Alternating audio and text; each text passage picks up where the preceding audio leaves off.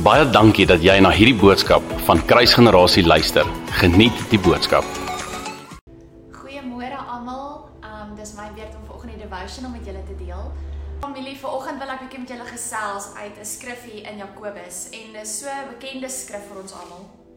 Um ek uh, dink so aan toe ek hierdie skriffie nou lees en ek gaan dit nou vir ons almal lees, maar ek dink so dat hierdie skrif het my so laat dink aan die see. En uh, ek weet nie wie van julle nou by die see sou wou wees nie, maar ek dink nogal ons sou in hierdie aftyd um by die see eerder wou wees as hier by die huis. En uh ek glo elkeen van ons het was al iewers in die see en is al deur 'n golf of twee rondgeslaan en dalk weet seer gekry deur 'n golf want dit is nogal as daai fors water jou tref kan dit nogal seer wees. Maar hoor gou hierdie skrifgie in Jakobus 1 vers um 6 tot 8 en ek gaan dit lees in Engels say, But let him ask in faith, with no doubting. For he who doubts is like a wave of the sea, driven and tossed by the wind. For let not that man suppose that he will receive anything from the Lord. He is a double minded man, unstable in all his ways. Nou die woord is baie duidelik hier wat sê wanneer ons vra, wanneer ons iets van God vra, dan moet ons dit vra in geloof. Ons moenie toelaat dat twyfel in ons hart wees wanneer ons vra nie, want dan is ons soos 'n golf wat net heen en weer slaan. Weet as jy na die see kyk en jy sien hoe woest dit is partykeer. As die gety inkom, as daar rotse is, dit raak rof. Die water is baie, die water is sterk, die water maak 'n geraas. Um en dis wat die woord sê, wanneer ons twyfel in ons hart het, wanneer ons na God toe kom om hom iets te vra, is ons so so golf wat net heen en weer slaan die hele tyd. Um en dan sê hy dat so 'n mens, so 'n iemand word vergelyk met 'n double-minded person, unstable in all his ways. Nou dit double-mindedness of double-minded spreek van die feit dat jou jou jy's jy's besig om na twee verskillende rigtings toe te trek, twee teenoorgestelde rigtings. So dit sou dit sou byvoorbeeld lyk like in ons verhouding met die Here aan die een kant het ons geloof in die feit dat hy wat wie hy is en wat hy sê hy sal doen, hy dit sal doen. Ons glo dit, maar terselfdertyd of net 'n rukkie later as iets dalk skeefloop, dan is daar twyfel in ons harte. En dis daai twee opposing points waartoe ons getrek word die hele tyd. En dis presies wat 'n double-minded person is. En dan sê die woord, so 'n persoon is unstable in all his ways. So nie net in sy ge gebedslewe nie, want dit praat hier van gebed, in all his ways. En ek kom tot hierdie konklusie dat as my gebedslewe nie eers stabiel is nie, sal geen ander deel van my lewe stabiel wees nie. Gaan ek in my ander areas in my lewe ook heen en weer, heen en weer soos 'n golf van die see wees. En dan gaan die woord aan net 3 hoofstukke later in Jakobus 4 vers 8 en dis so bekende skriffie. Um wat sê draw near to God and he will draw near to you. Cleanse your hands, you sinners, and purify your hearts, you double-minded. En wanneer ek dit lees, dan praat dit hierso van skoon hande en 'n suiwer hart. En daar's 'n ander skrifgie in die woord wat ons ook so goed ken wat presies na dit verwys. En dis in Psalm 24. Ek begin so intoe blaai. Nou Psalm 24 vers 4. Um eintlik van vers 3 af wil ek lees. Dis so belangrik en Jan het al soveel keer hieroor gepreek en ons het dit al soveel keer genoem.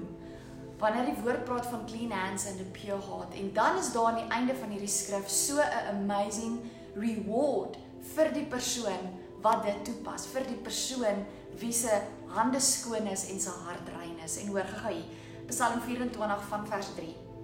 Who may ascend into the hill of the Lord or who may stand in his holy place? He who has clean, heart, clean hands and a pure heart, who has not lifted up his soul to an idol, nor sworn deceitfully, he shall receive the blessing from the Lord and righteousness from the God of his salvation. This is Jacob. Gen- this is Jacob, the generation of those who seek him, who seek your face. Nou wanneer die woord hierso praat van clean hands and a pure heart, dan verwys dit Um daar's baie betekenisse of as jy dieper gaan soek, gaan jy um dalk in die Grieks baie, ag in die Hebreëus baie kry. Maar my Spiritful Bible verklaar dit so. Clean hands praat van ons eksterne. Um pure heart pro, um speaks of the inner inner part. So die eksterne en die interne moet albei gerig wees tot die Vader, gerig wees en gedraai wees na God toe en dit wat God sê en wie God is. En wanneer dit so is, dan sal ek nie geklassifiseer word as 'n double-minded person nie. Not unstable, but stable, standvastig in die Here en in dit wat hy sê.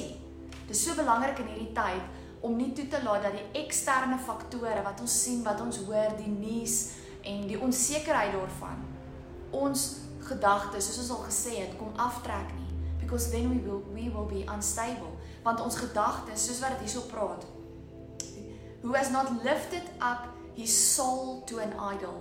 Ons siel praat van ons gedagtegang dit praat van ons wil ons intellek en ons emosies. En hoeveel keer het ons net toegelaat in hierdie tyd dat ons siel dat ons gedagtes dalk na 'n plek toe gegaan het wat nie in lyn is met die woord van God nie wat nie pure was nie wat nie clean was nie. OK? Ons weet dat enige iets wat ons bo God stel is afgod. Enige iets wat 'n plek in ons lewe en in ons hart vat wat ons hoor en belangriker ag as God die Vader word 'n afgod. En dis presies wat hierdie skrif hierso sê. Ons hande, ons eksterne, ons harte, ons interne moet albei gerig wees tot die Vader. He who has not lifted up his soul to an idol nor sworn deceitfully, he shall receive the blessings. So familie, ek wil jou uitdaag, ek wil jou bemoedig vanoggend. Draai jou hart, jou jou interne, draai jou hande, jou eksterne en al, en alles wat daarmee gepaard gaan, jou aksies, jou taal, jou gedagtes, jou emosies. Draai dit alles na God toe. Maak seker dit bly gerig op Abba Vader sodat jy nooit kan geklassifiseer word volgens die woord van God as 'n double-minded person nie, as iemand wat een voet hierdie kant, een voet aan daardie kant staan.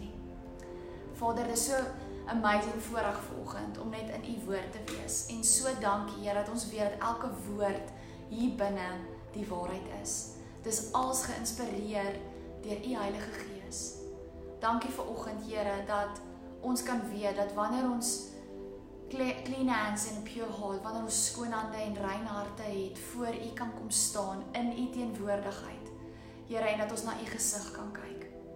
En vir oggend Here wil ons nie soos Jakobus praat van 'n double-minded person, unstable in all his ways. Ons wil nie so wees nie. Help ons Vader vandag om alles te draai na u toe en om nie toe te laat dat twyfel of vrees of enige vorm van negativiteit ons kom beïnvloed en veroorsaak dat ons in twee verskillende rigtings trek nie. Maar mag ons harte totaal en al gerig wees op die koning van die konings. Here, dankie dat U vir ons so goed is in hierdie tyd.